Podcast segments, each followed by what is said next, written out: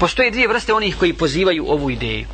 Dakle, koji pozivaju u ideju o Mehdiju. Ili koji se pozivaju na to, koji sebe smatraju Mehdiju. Prvo su lažljivci. Dakle, ljudi koji znaju da lažu. Oni varaju ljude i na taj način pridobivaju svoje pristalice i žele da imaju svoje sljedbenike.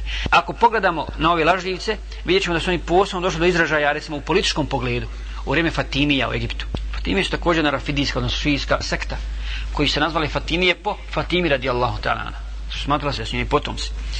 Dakle, također muvahidini na Magribu, vidjet ćemo da su svoju ideju zasnovali na tome kako bi ljude pridobili i kako bi ostvarili svoje političke ambicije i političke ciljeve. Zatim, druga skupina jesu ljudi duševno oboljeli.